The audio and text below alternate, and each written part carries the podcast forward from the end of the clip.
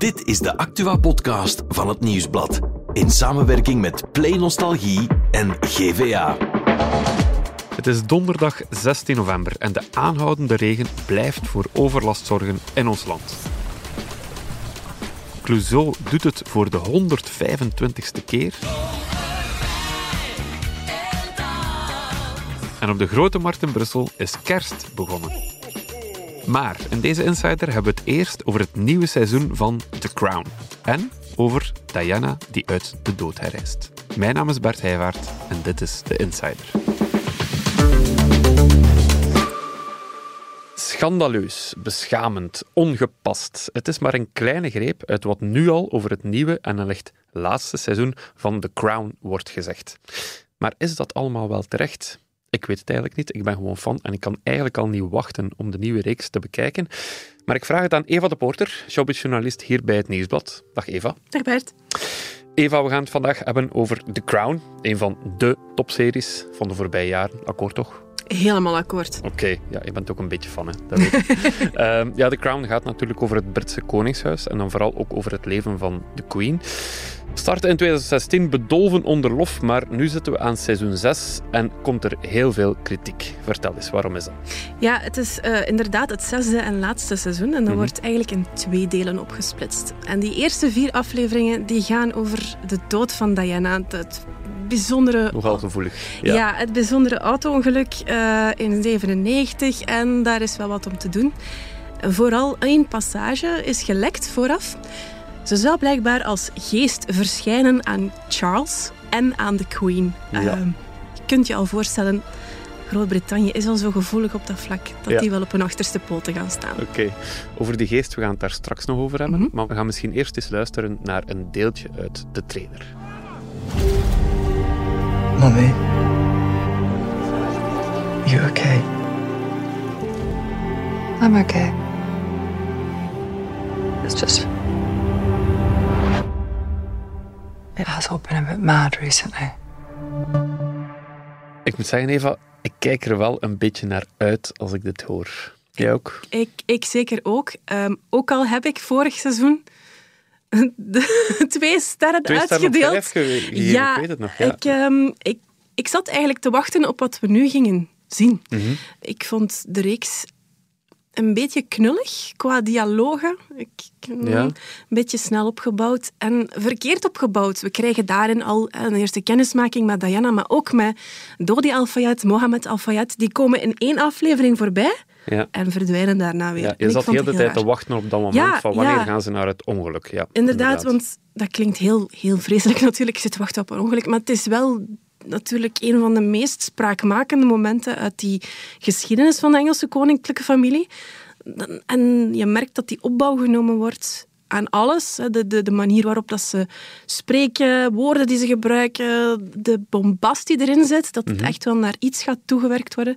En dat komt niet. Ja, dat gaat nu wel komen. Hm. Weten we eigenlijk al iets over hoe ze de dood van Diana in beeld hebben gebracht? Ja, en dus eh, even terug naar 1997 Mhm. natuurlijk. Hè, die, die beruchte crash, opgejaagd door paparazzi, dat was al een hele tijd aan de gang. Gingen ze richting Parijs, zij en eh Dodi Al-Fayed. Mhm. En daar is het helemaal fout gelopen. Hè. Zijn ze tegen een pijler in de tunnel gereden. En Diana heeft nog even geleefd, Mhm. maar is uiteindelijk natuurlijk overleden.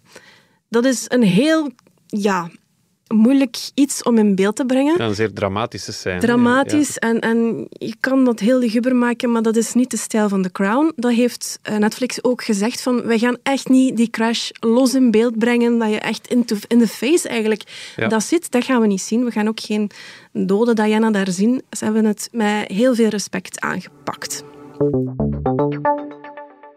Met veel respect, zeggen de makers. Anderzijds, Eva, ehm, ik las begin dit jaar, denk ik, ongeveer een quote van Helena Bonham Carter.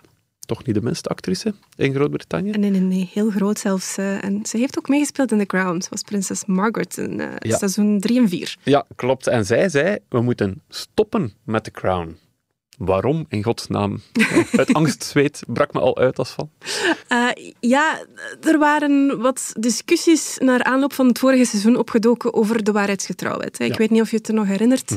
Dan kwam er ineens die disclaimer aan, uh, gebaseerd op uh, waar gebeurt de feiten, een fictieve dramatisering ervan. Een fictieve dramatisering, dat is wel mooi bedacht. Een prachtig woord, maar er zijn bepaalde zaken aan bod gekomen waarbij dat de makers gewoon niet aanwezig waren bij die gesprekken natuurlijk. Hè. Logisch, dus ze Ja. geven hun eigen invulling daaraan. Ze moeten eigenlijk dialogen ensceneren, ze moeten die uitvinden, maar ze weten niet exact of al die zaken effectief zijn uitgesproken. Ja. Dat is wel iets wat je constant afvraagt. Hè. Als kijker van The Crown, eh, er zijn heel veel intieme gesprekken ook tussen, tussen personages, waarbij ik denk van ja, zou die dat effectief zo gezegd hebben? Ja, ik was er mij altijd bewust van. Ja, we zitten hier wel naar een fictiereeks te kijken, hè, jongens. Ja, is dat zo? Ja, Ja. wel, ik moet eerlijk toegeven, tijdens die eerste seizoenen was ik echt wel heel erg onder de indruk van wat er zich afspeelde. En ik, ik zat echt te kijken met Wikipedia naast mij. Wat is er gebeurd, wat is er niet gebeurd? Ja. Maar tegelijkertijd moet je wel beseffen van, ja, je bent hier wel naar een serie aan het kijken over een koninklijke familie. Ja, die, in, die dialogen onder familieleden onderling, veel zal niet waar gebeurd zijn. Nee, en eh, in hoeverre is dat gecheckt eigenlijk? In hoeverre is er overleg tussen pakweg het Koningshuis of eh, mensen dicht bij het Koningshuis en de makers om te weten van, kan hij of zij dit gezegd hebben? Officieel denk ik dat er geen overleg is geweest, want het Koningshuis is absoluut geen grote fan van The Crown. Zeker de laatste jaren is dat, als het al iets was, denk ik volledig verdwenen. Dus eh, ik denk dat daar niet veel overleg is. Ik denk, ja, Peter Morgan, hè, een van de Ja. makers en bedenkers, die heeft natuurlijk wel wat ervaring in, in dat vak. En het is een van de betere makers hè, van historische fictie, dus die weet wel hoe hij dat moet aanpakken. Ja. Ze kijken natuurlijk wel naar de grote lijnen van het verhaal en op die manier kan je dat wel invullen natuurlijk. Ja, maar er was bijvoorbeeld Tampongate. Ehm, ja, het is een, een gesprek tussen Camilla en Charles. Ja. Ehm, leg nog eens uit waarover ging dat juist. Camilla en Charles waren toen nog niet getrouwd. Die moesten hun relatie nog een beetje verbergen, want er was nog altijd Diana en een huwelijk met Diana, dus dat mocht niet. Uh, maar de Britse tabloids die zijn daar toch achter gekomen. Die hebben een telefoongesprek onderschept en die, die tapes zijn uitgelekt. Prins Charles toen nog uh, had uh, een, een, nogal spicy gesprekje met Camilla, waarin hij vertelde van dat hij toch wel graag in haar broek zou leven, dat dat toch ideaal was. En als hij dan toch mocht kiezen, dan nog het liefst als tampon. Ik kan me niet voorstellen hoe hij daarbij komt, uh, maar... maar heeft hij dat echt gezegd? Hij heeft dat echt gezegd. Ah ja, dat wel. Ja, die, die, die woorden staan gewoon op tape. Dus op die manier kun je ook wel interessante conversaties in een serie invullen. Soms is realiteit beter dan fictie. Nu even terug naar seizoen 6, want daar hebben we het uh, in deze podcast over.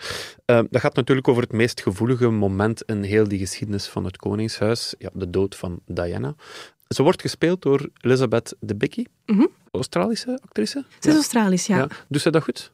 Ik vind haar fantastisch. Don't really understand how I ended up here. Dashing around. And losing sight of myself in the process. You know, I think that's been the story of my whole life.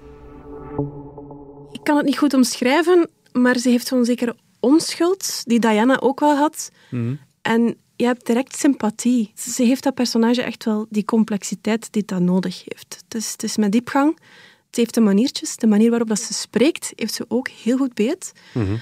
En ook die grote ogen die ze heeft. Het is, het is heel akelig ja, als je ernaar ja, ja. kijkt. denk je van, ah ja, oké, okay, oeh, ja. Nu, ik begon daarnet uh, de podcast met de woorden schandaleus en beschamend. Dat slaat vooral op die ene scène, je haalde ze al aan, de scène van de geest van Diana. Diana zou in deze reeks ook op een bepaald moment als geest te zien zijn. Mm. Hoe zit dat juist? Na haar dood zou ze verschijnen aan Prins Charles en aan Queen Elizabeth. En ze zouden echt een, een conversatie hebben, eigenlijk. uh. Dat zal waarschijnlijk niet echt gebeurd zijn. Historisch gezien lijkt mij dat inderdaad ja, iets vreemd. Nu, ik, ik kan me wel inbeelden waar ze het vandaan halen. Ik, ik heb uh, een column gelezen in, bij The Guardian. Naar aanleiding van de vele kritieken kwam dat ook voorbij. Mm -hmm. Het is niet zo ongewoon dat de geest van Diana ergens verschijnt. Namelijk wanneer actrices de rol van Diana moeten op, opnemen. Het is niet de eerste keer dat Diana geportretteerd wordt in film en serie.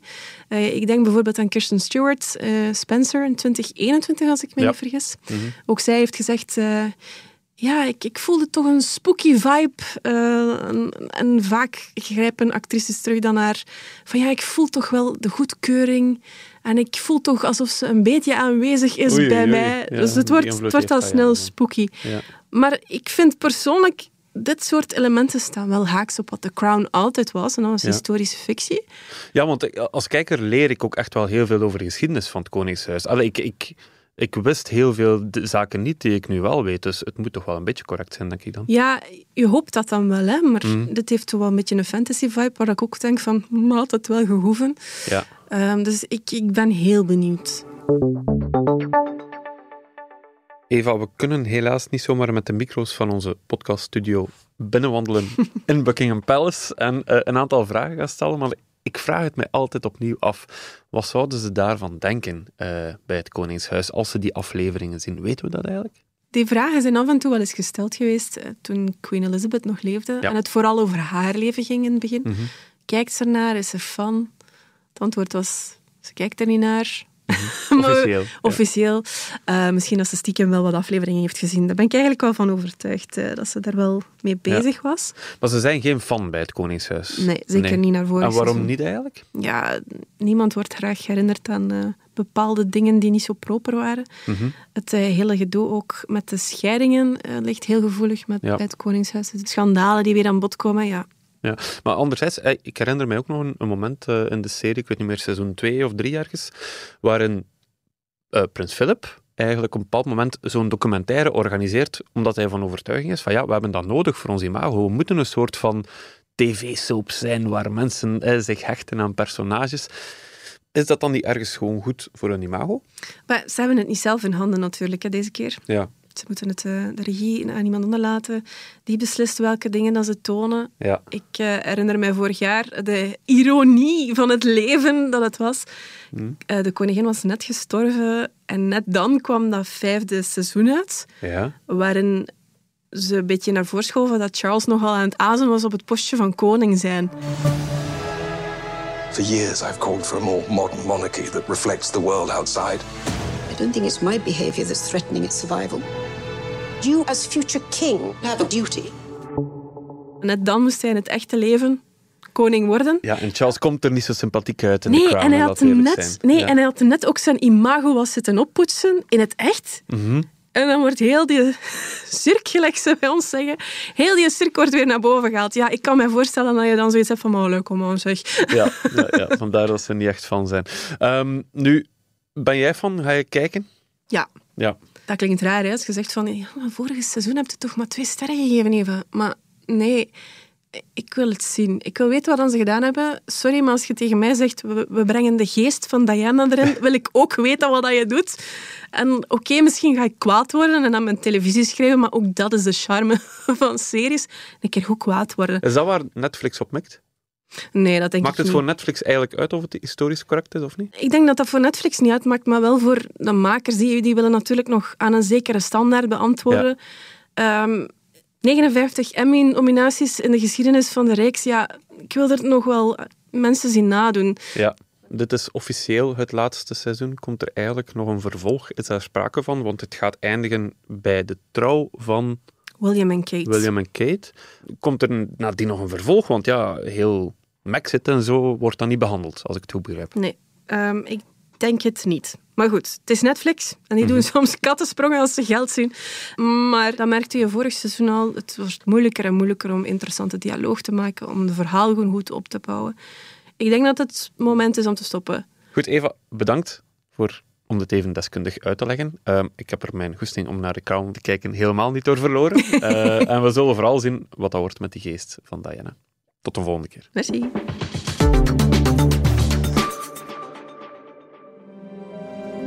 In de archieven van Assisen liggen dikke dossiers van oude moordverhalen. Over de Bonnie en Clyde van Antwerpen.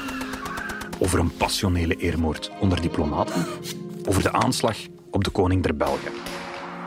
Ik ben Cedric Lagast, host van de Stemmen van Assise. En al drie zomers lang duik ik in al die vergeten oude Assisezaken.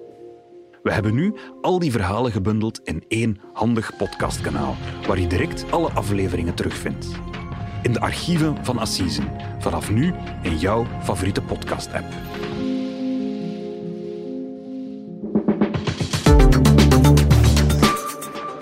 Voor het andere nieuws is Nathalie erbij komen zitten. Dag Bert. Nathalie, hallo.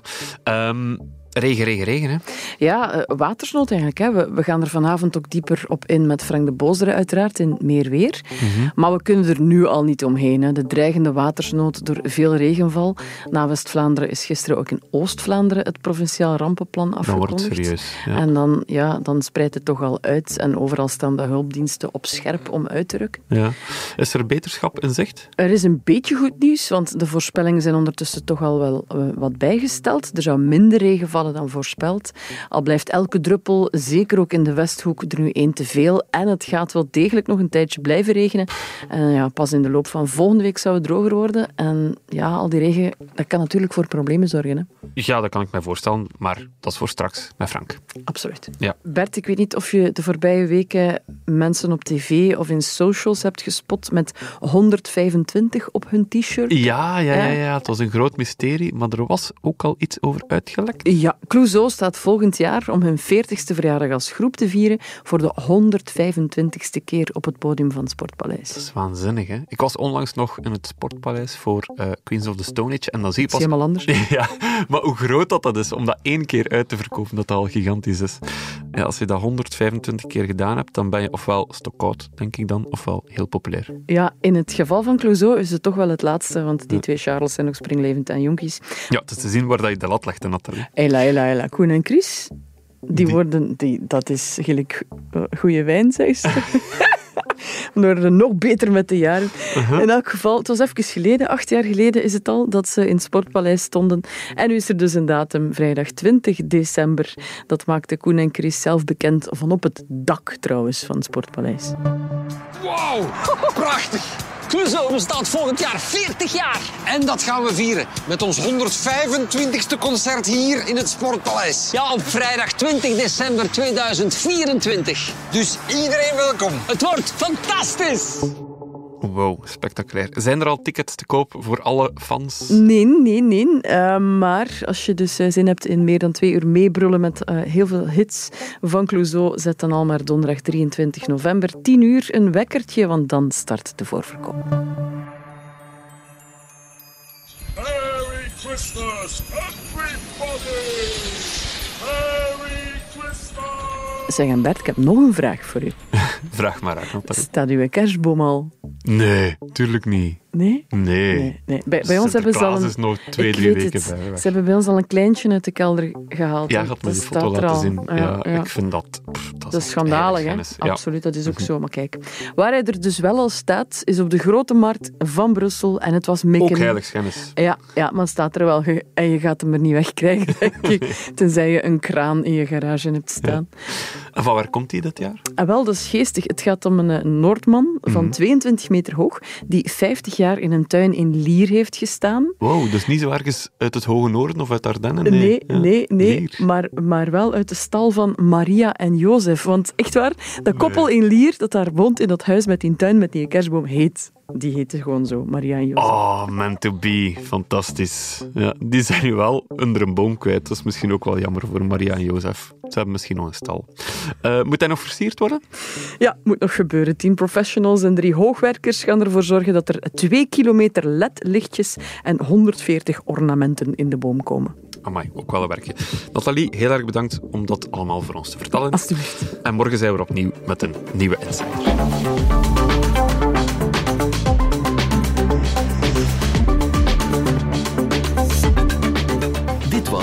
The Insider, een podcast van het Nieuwsblad in samenwerking met Play Nostalgie en GVA. De muziek is van Pieter Santens. De montage gebeurde door House of Media. Wil je reageren? Mail naar podcast.nieuwsblad.be.